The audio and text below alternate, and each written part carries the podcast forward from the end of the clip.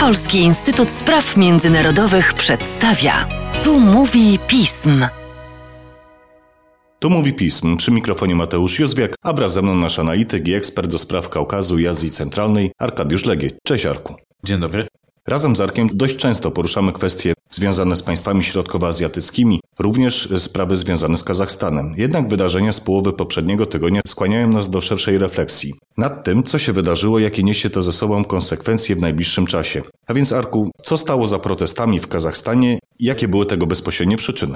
Na przełomie roku 2021 i 2022 w Kazachstanie rozpoczęły się protesty, które przede wszystkim ich epicentrum była miejscowość Żanaozen w prowincji Mangistau, a więc obszar przemysłowy, obszar przede wszystkim skupiony na wydobyciu i przetwarzaniu ropy naftowej, surowców, ale przede wszystkim gazu, położony na zachodzie Kazachstanu.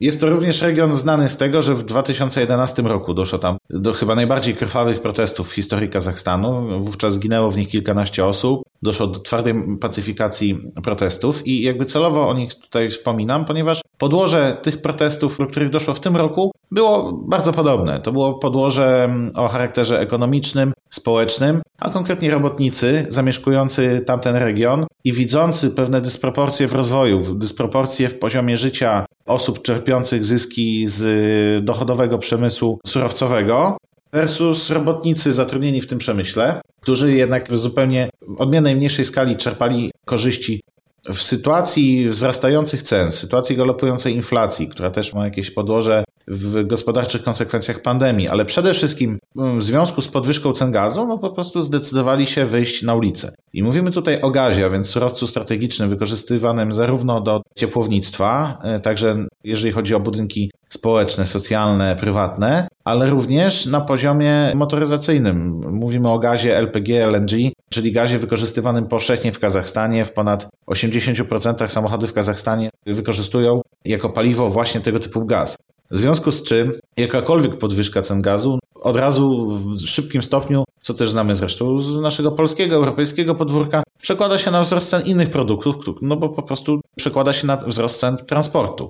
A jeżeli mówimy o podwyżce ponad dwukrotnej, a tak miało to miejsce w Kazachstanie, no to jest to dość drastyczny impuls, który natychmiast jest odczuwalny dla, dla ludności całego Kazachstanu, a który, a który wyjątkowo może burzyć krew, może wywoływać oburzenie w regionach, gdzie ten gaz jest wydobywany, przetwarzany, a e, ludność, która jest zaangażowana właśnie w ten przemysł, no, no, nie do końca czerpie z tego korzyści. Protesty wybuchły więc w Żanaozen, ale bardzo szybko osiągnęły skalę ogólnokrajową. Zaczęły protestować inne ośrodki przemysłowe, e, wydobywcze, zaczęły protestować również większe miasta na czele z największą metropolią Kazachstanu, z byłą stolicą, z Aumatami. We wszystkich tych miastach doszło do protestów i o ile Kazachstan, który jest państwem autorytarnym, który przez lata był państwem najsilniejszym, najstabilniejszym, o najbardziej efektywnie działających strukturach siłowych, służbach, o ile przez lata nie mieliśmy do czynienia z, mieliśmy do czynienia z sytuacją protestów, ale nigdy nie mieliśmy do czynienia sytuacją, kiedy protestujący wyszli na ulicę na taką skalę i w sposób efektywny zaczęli wchodzić w zwarcia z siłami porządkowymi, z wojskiem, osiągając sukcesy. Nie tylko sukcesy w bezpośrednich starciach, ale również przy zajmowaniu strategicznych terenów. Dokładnie, co, co, co też się kładło bardzo wizerunkowo na, na władzach Kazachstanu, w sytuacji, kiedy manifestujący zaczęli zdobywać budynki administracji publicznej w różnych częściach Kazachstanu, ale tym takim najbardziej medialnym obrazkiem było zdobycie Akimatu, a więc siedziby regionalnej władz w Almatach, no przede wszystkim lotniska w Almatach, rezydencji rządowych, prezydenckich w Almatach. No to wszystko pokazało nam, że skala tych protestów jest bezprecedensowa. Nigdy w historii Kazachstanu od 1991 roku nigdy nie było takich protestów. No i na ich początkowym etapie władze nie były w stanie na nie efektywnie odpowiedzieć, ale ta odpowiedź władz, ja bym ją charakteryzował jako dwuetapową. Ponieważ na początku rządząca państwem elita, na czele z, jeszcze wówczas z prezydentem Nazarbajewem i z prezydentem Tokajewem, doszła do wniosku, że jednak nie warto tych protestów pacyfikować tak na pełną skalę przy użyciu wszelkich dostępnych środków, ponieważ może to doprowadzić do ich większej eskalacji. Władze wierzyły na etapie początkowym, na początku stycznia, że poprzez takie kontrolowane, stopniowe ustępstwa i o charakterze ekonomicznym i o charakterze politycznym uda się te protesty ugasić, uda się te nastroje obniżyć. W związku z tym prezydent Tokajew 5 stycznia rano ogłosił najpierw o decyzji rządu Askara Mamina, a więc, a więc człowieka Nursultana Nazarbajewa pełniącego urząd premiera. Tokajew obarczył rząd odpowiedzialnością za, za zły stan gospodarki państwa, za te podwyżki, które stały się bezpośrednim czynnikiem wyzwalającym te protesty. Wierzył więc, że odsunięcie premiera i, i zmiany strukturalne w rządzie no, będą czynnikiem politycznym, który pozwoli te protesty wyhamować, obniżyć nastroje. Razem z tym podjęto szereg decyzji o charakterze ekonomicznym, m.in. o przywróceniu cen gazu jeszcze z ubiegłego roku, ich zamrożeniu na, stałej, na stałym poziomie na najbliższe pół roku.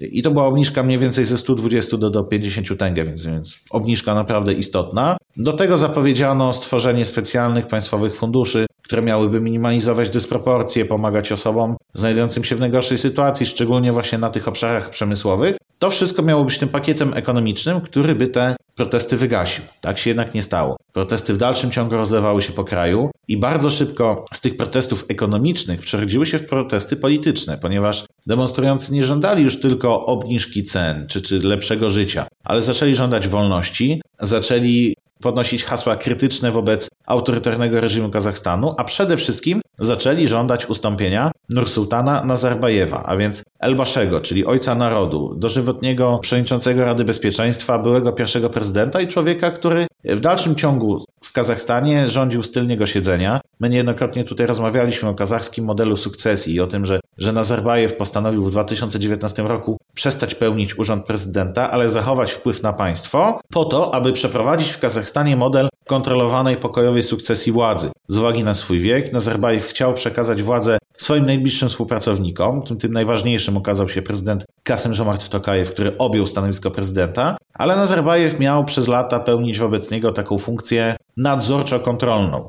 Tak naprawdę aprobując wszelkie jego najważniejsze decyzje na polu polityki bezpieczeństwa czy też polityki zagranicznej i zapewniając z jednej strony zachowanie tego systemu politycznego w Kazachstanie, jaki Nazarbajew stworzył przez ostatnie 30 lat, ale również zapewniając wewnętrzny pokój, wewnętrzną stabilność, a może przede wszystkim bezpieczeństwo własne i bezpieczeństwo swojej rodziny. Nazarbajew w tym planie, w tym, w tym założeniu, on bazował, odwoływał się do doświadczenia sukcesji władzy w Uzbekistanie w 2016 roku, kiedy Islam Karimow, ówczesny prezydent, umarł, nie przygotował scenariusza zastąpienia go. Władzę przejął Szafkat Mirziojew, obecny prezydent, ale cały proces tej tranzycji zmian, zmian strukturalnych, osobowych wewnątrz obozu władzy bardzo źle odbił się na rodzinie zmarłego Karimowa. Jego córka, m.in. Gulnara, do dzisiaj przebywa w więzieniu w Uzbekistanie. Nazarbajew, obawiając się takiego scenariusza i, myśląc przede wszystkim o bezpieczeństwie swoich bliskich, już nie tylko rodziny, ale również jego otoczenia biznesowego i chcąc zachować ten swój projekt życia, a więc, a więc państwo kazachskie w takim wydaniu, o takim modelu polityczno-ustrojowym, zdecydował się na taki model, który no niestety upadł. I tutaj pojawia nam się drugi, drugi wątek tych protestów, ponieważ same protesty, one bardzo długo się będą jeszcze odbijały czkawką rządzącym Kazachstanem, ponieważ w tej chwili jesteśmy na etapie tego, że te protesty zostały stłumione. Władza po tej początkowo nieskutecznej strategii miękkiej reakcji wobec protestujących, no była zmuszona wobec tego, że te protesty się nie zatrzymywały, a wręcz eskalowały dalej w skali całego państwa, no zdecydowały się na twardą odpowiedź. Mieliśmy do czynienia z kolejnymi wystąpieniami prezydenta Tokajewa w ciągu ostatnich dni, w których wręcz zdecydował się na wydanie rozkazu strzelania, aby zabić, strzelania bez ostrzeżenia do protestujących w miastach, co jest też rozwiązaniem no, czasem nawet niestosowanym w przypadku wojny. A tutaj mówimy o działaniach prowadzonych w otoczeniu cywilnym, w miastach. Władze zdecydowały, że skoro nie udało się tych protestów zminimalizować poprzez ustępstwa, no to po prostu jedyną możliwą reakcją jest reakcja siłowa. I tutaj dodajmy, bo pewnie w dalszej części przejdziemy do, do zaangażowania Organizacji Układu o Bezpieczeństwie Zbiorowym w, w sytuację w Kazachstanie, ale jednak dodajmy to, o czym już powiedziałem wcześniej. Kazachstan to państwo silne. Kazachstan to państwo posiadające naprawdę silne, dobrze zorganizowane i, i, i naprawdę duże służby specjalne, siły bezpieczeństwa, wojsko. Przeciwieństwie do swoich sąsiadów, jak na przykład Kirgistan, Kazachstan posiada instrumenty, żeby odpowiedzieć na tego typu protesty i sobie z nimi poradzić. No i podjęto decyzję, że po prostu te protesty trzeba spacyfikować przy użyciu wszelkich dostępnych środków, za wszelką cenę, nie zważając na wszelkie możliwe konsekwencje wizerunkowe. I tak się stało. No w tej chwili mamy statystyki, zgodnie z którymi Około 8 tysięcy osób zostało zatrzymanych, ponad 180 osób zostało zabitych podczas pacyfikacji tych protestów. Ja szczerze mówiąc, no, nie wierzę. Nie wierzę w te statystyki. One są dla mnie zbyt niskie. Pamiętajmy, że te statystyki też pochodzą od władz kazachskich, które o ile mają w interesie zaprezentować, że protesty spacyfikowano, to jednak nie mają interesu, szczególnie na arenie międzynarodowej, palić się liczbą ofiar. Dokładnie, więc moim zdaniem to nie są setki, to są tysiące, ale na szacunki w tej kwestii no, pewnie będziemy musieli poczekać. Aczkolwiek no, prawdziwych liczb nigdy nie poznamy, no bo, bo, bo władze Kazachstanu zawsze będą miały w interesie, aby tego typu konsekwencje, szczególnie ofiar śmiertelnych, ukrywać. No ale tak jak zaznaczyłem, aspekt protestów to jest jeden aspekt tego kryzysu wewnętrznego, z jakim mamy do czynienia w tej chwili w Kazachstanie. Pozostają jeszcze dwa: zmiany w strukturach władzy, no i zewnętrzna interwencja. Dokładnie. Zanim przejdziemy do zewnętrznej interwencji, chciałbym Cię zapytać, co aktualnie dzieje się z Nazarbajewem? Prezydent Nazarbajew nie był widziany od dawna, w zasadzie od, od pierwszej połowy grudnia. Kiedy doszło do tych protestów, ja sam przyznaję tutaj, nie chciało mi się wierzyć, że przy okazji tych protestów dojdzie do tak radykalnej zmiany w strukturach władzy Kazachstanu, a jednak do niej doszło. Prezydent Tokajew na początku, przez cały okres tych protestów, pojawia się sam w mediach, sam się wypowiada i w zasadzie nawet nie wzmiankuje, nie wspomina na temat Nursultana Nazarbajewa, a więc postaci, która była i formalnie w dalszym ciągu jest jeszcze najważniejszą osobą w systemie politycznym Kazachstanu. O ile początkowo można to było tłumaczyć tym, że doszło do pewnego porozumienia w elicie władzy, na podstawie którego prezydent Tokajew weźmie pełną odpowiedzialność za pacyfikację tych protestów, a Nursultan Nazarbajew będzie się od tego trzymał z daleka po to, aby właśnie nie być później obarczonym konsekwencjami negatywnymi tych protestów i ich pacyfikacji. No jednak późniejsze wydarzenia pokazują nam, że prezydent Tokajew wręcz wykorzystał te protesty do tego, aby sięgnąć po pełnię władzy. Tak jak mówiliśmy, Nursultan Nazarbajew miał pełnić funkcję nadzorczo-kontrolną wobec prezydenta Tokajewa. Tokajew miał być pewnym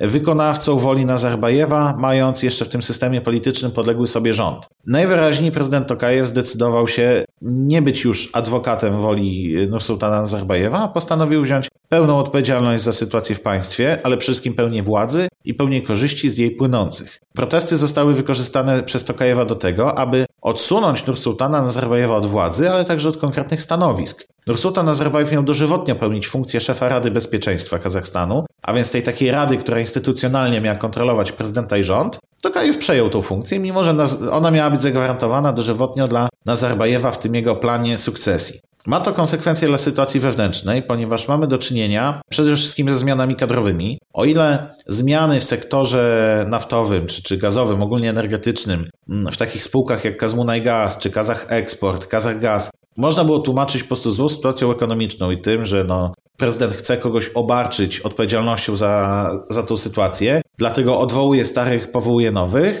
no to jeżeli już mówimy o zmianach w służbach bezpieczeństwa, gdzie najbliższy od lat współpracownik Nursultana Nazarbajewa, Karim Masimow, został odwołany, a następnie aresztowany i zastąpiony człowiekiem bardzo bliskim Tokajewowi, byłemu szefowi, no powiedzmy, kazachskiego SOP-u, a więc służby odpowiedzialnej za zabezpieczenie, zapewnienie bezpieczeństwa najważniejszym urzędnikom państwowym w Kazachstanie i też służby, która najprawdopodobniej stała się takim zbrojnym ramieniem tego, no nazwijmy to w cudzysłowie, przewrotu pałacowego, którym Tokajew odsunął Nazarbajewa i otaczających go sprzymierzeńców i sam sięgnął po pełnię władzy. Teraz, jeszcze dzisiaj śledząc doniesienia z Kazachstanu, dochodzi do nas coraz więcej informacji na temat również pewnych porządków czystek już na poziomie niższym, na poziomie powiedzmy dyrektorskim, wiceministerialnym w y, strukturach siłowych, w Ministerstwie Spraw Wewnętrznych oraz o serii dziwnych przypadków, w których osoby ważne w tych strukturach, wcześniej powiązane z Nazarbajewem, popełniają samobójstwa, wyskakują z okna albo umierają na, na atak serca. No, koincydencja tych wypadków, szczególnie jeżeli mówimy o więcej niż jednym,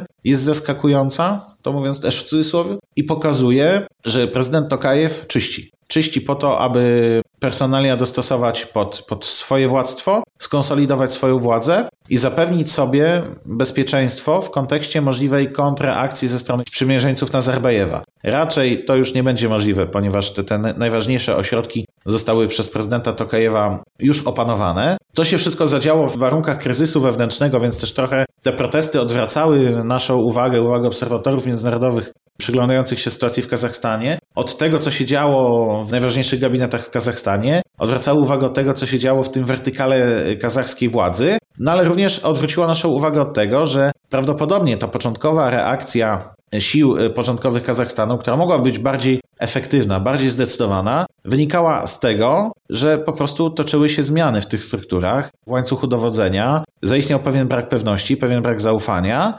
Doszło do kilku sytuacji, kiedy, kiedy żołnierze, policjanci przechodzili na, na stronę e, protestujących, co, co w sytuacji autorytarnego reżimu kazachskiego jest sytuacją no, zaskakującą, ponieważ nie dochodziło do niej nigdy wcześniej i można to pewnie wiązać z pewnym chwilowym rozprężeniem, osłabieniem, z pewną anarchią w tych strukturach, no, które po prostu przechodziły zmiany personalne, zmiany dowodzenia, co zapewne było jednym z czynników skłaniających prezydenta Tokajewa do tego, aby zaapelować, poprosić o pomoc zewnętrzną. No właśnie, to już będzie nasze ostatnie pytanie, chociaż wydaje mi się, że najbardziej wyczekiwane przez przynajmniej część z naszych słuchaczy. Co w takim razie z OBZ-em i pojawieniem się rosyjskich mirotwórców? Czy Kazachstan według Ciebie trafił na stałe pod kontrolę rosyjską? Kazachstan od zawsze, już od czasów Nazarbajewa, był państwem bardzo bliskim Rosji. Państwem, które od początku nawet nie angażowało się, ale samo inicjowało różne formy integracji eurazjatyckiej. Kazachstan od samego początku jest państwem założycielskim Eurazjatyckiej Unii Gospodarczej, Organizacji Układu o Bezpieczeństwie Zbiorowym,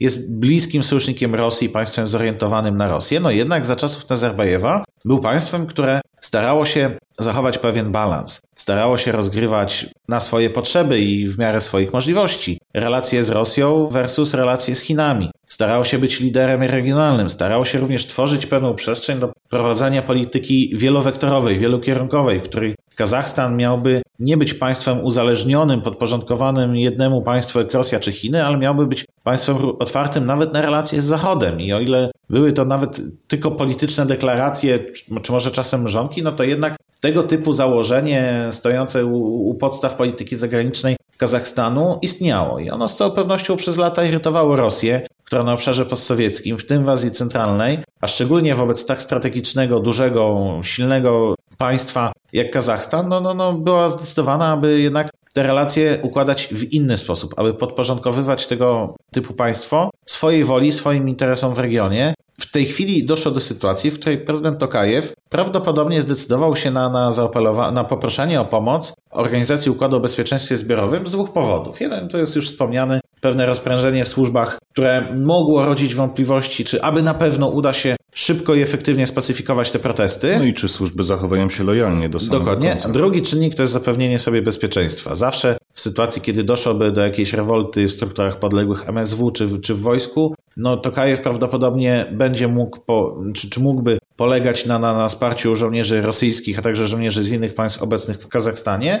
W związku z czym prezydent Tokajew wystosował apel, co istotne, nie, nie do Rosji, tylko do, tylko do Organizacji Układu o Bezpieczeństwie Zbiorowym. Akurat pełniąca prezydencję w tej organizacji Armenia rękami swego premiera Nikola Paszyniana, który też, no, co się często pojawia w mediach, sam doszedł do władzy w wyniku protestów. Zorganizowała szybkie, szybkie konsultacje. Wszystkie państwa organizacji summa summarum zgodziły się na wysłanie operacji pokojowej, ponieważ tak to się oficjalnie nazywa. No i ta operacja już została dyslokowana do Kazachstanu. Ja tutaj podkreślam ten wątek wizerunkowym, kto kogo poprosił, ponieważ Rosja w tej chwili, mimo że wykorzysta tą interwencję wewnętrzną w Kazachstanie do swoich interesów, do zabezpieczenia swoich interesów i realizacji swoich celów polityki zagranicznej wobec Kazachstanu, no to jednak zawsze będzie mogła powiedzieć, przynajmniej wizerunkowo, przynajmniej teoretycznie, że no ale myśmy nie chcieli. My tego samego dnia, kiedy prezydent Tokajew po południu poprosił o pomoc, my tego samego dnia rano ustami rzecznika Kremla Dmitrija Pieskowa powiedzieliśmy, że Kazachstan sam sobie poradzi z tym problemem wewnętrznym, z tym No, kryzysem. ale skoro zostaliśmy poproszeni o pomoc, Powiedzieliśmy, że nikt się nie powinien wtrącać, także my, no ale skoro nasz sojusznik w ramach organizacji sojuszniczej prosi innego naszego sojusznika, więc Nikola Paszyniana, o pomoc, a Nikol Paszynian przeprowadza konsultacje, odwołuje się do artykułu czwartego po raz pierwszy w historii tej organizacji, no to Rosja musiała się zachować jak sojusznik. W związku z czym wzięła udział w tej operacji, no i to rodzi bardzo poważne konsekwencje, ponieważ Rosja ma dużo interesów do ugrania w samym Kazachstanie. Przede wszystkim w aspekcie regionalnym to jest podkreślenie roli Rosji jako czynnika gwarantującego stabilność, gwarantującego bezpieczeństwo, mogącego efektywnie przeciwdziałać negatywnym tendencjom w tego typu państwach, ale przede wszystkim gwarantującego zachowanie, trwanie reżimów autorytarnych. Sama Rosja bardzo nie lubi protestów. W samej Rosji, jak i w jej otoczeniu, ponieważ reżim putinowski postrzega protesty jako największe zagrożenie dla, dla, dla swojej władzy, dla, dla swojego trwania, dla tego porządku modelu politycznego, jaki został wprowadzony w Rosji. W związku z czym dławi własne protesty i robi wszystko, aby dławić protesty dziejące się w jej sąsiedztwie, szczególnie u jej sojuszników. Ale poza tym Rosja poprzez zaangażowanie wewnątrz Kazachstanu zyskuje dodatkowe możliwości wpływu na prezydenta Tokajewa, idąc mu na rękę, jakich nie miała wcześniej w, relacjach z prezydentem Nazarbajewem. Możemy więc domniemywać, że to zaangażowanie Rosji i jej sojuszników w Kazachstanie doprowadzi w konsekwencji do większej uległości Kazachstanu w relacjach z Rosją, doprowadzi do większej uległości władz kazachskich w podejmowaniu decyzji korzystnych wobec Rosji, a takich pól do podejmowania tego typu decyzji jest wiele. Przemysł energetyczny w Kazachstanie, status mniejszości rosyjskiej na północy Kazachstanu. Już są przecież politycy rosyjscy, którzy od zawsze, ale teraz szczególnie mocno podkreślają konieczność stworzenia autonomii dla mniejszości rosyjskiej na północy Kazachstanu. Jest również kwestia obecności wojskowej Rosji w Kazachstanie, albo wzmocnienia już tej istniejącej, albo w ogóle stworzenia jeszcze kolejnej. Jest kwestia wpływu Rosji za pośrednictwem Kazachstanu na państwa regionu, takie jak Kirgistan, Tadżykistan czy Uzbekistan, aby zabezpieczyć interesy Rosji w Azji Centralnej. Jest kwestia współpracy, ale też rywalizacji rosyjsko-chińskiej w tej, w tej części świata. To są wszystko interesy, dla, dla zabezpieczenia których Rosja będzie wykorzystywała swoje zaangażowanie w Kazachstanie, a sam Kazachstan no w tej chwili zdecydowanie bardzo ograniczył swoje pole manewru, no bo już mówimy nie tylko o popsuciu jego wizerunku, a więc utracie tego wizerunku reżimu autorytarnego z ludzką twarzą. Mówimy już teraz o reżimie autorytarnym, który bez ogródek zdławił protesty, które też były pewnym efektem niekompetencji tego reżimu na przestrzeni lat, no bo zła sytuacja gospodarcza została pogłębiona w wyniku pandemii COVID, o czym też rozmawialiśmy kiedyś tutaj na łamach tego podcastu, ale jednak jest efektem pewnych dysproporcji będących fundamentem systemu autorytarnego w Kazachstanie, w którym to elity się bogacą, to, to elity budują i kupują wille za granicą, tam ukrywają swoje środki, a jednak dochody z y, strategicznie ważnego przemysłu surowcowego, no jednak nie płyną do ludności, co budzi określone dysproporcje, a w konsekwencji napięcia. To wszystko powoduje, że Kazachstan stracił y, wizerunek, jaki prezentował dotychczas i raczej nie da się już tego odzyskać, ponieważ obranie tego typu kursu no, jest drogą w jedną stronę, a jeżeli mówimy jeszcze przy jednoczesnym wystąpieniu tego większego podporządkowania Rosji, no to będzie to czynnik, który trwale zawęzi Kazachstanowi pole manewru w polityce zagranicznej i jeszcze bardziej utrudni relacje Kazachstanu z Zachodem, z Unią Europejską, ze Stanami. Nam jeszcze bardziej utrudni realizację naszych celów w tamtej części świata. Mimo, że nie jest ona dla nas strategicznie ważna, no to jednak cele definiowane choćby w strategii Unii Europejskiej wobec Azji Centralnej z 2019 roku, zakładające współpracę na polu praw człowieka, demokratyzacji, praworządności, no to wszystko możemy wrzucić do kosza, ponieważ najważniejsze państwo regionu, najsilniejsze, największe, no obrało kurs, który jest zupełnie przeciwny do tego, jakimi byśmy chcieli. No i to jest też już ważny przyczynek, o którym pewnie więcej będą w przyszłości mówić, pisać moje koleżanki z Instytutu, Agnieszka Legucka, Ania Dyner, a więc wizerunek Organizacji Układu o Bezpieczeństwie Zbiorowym.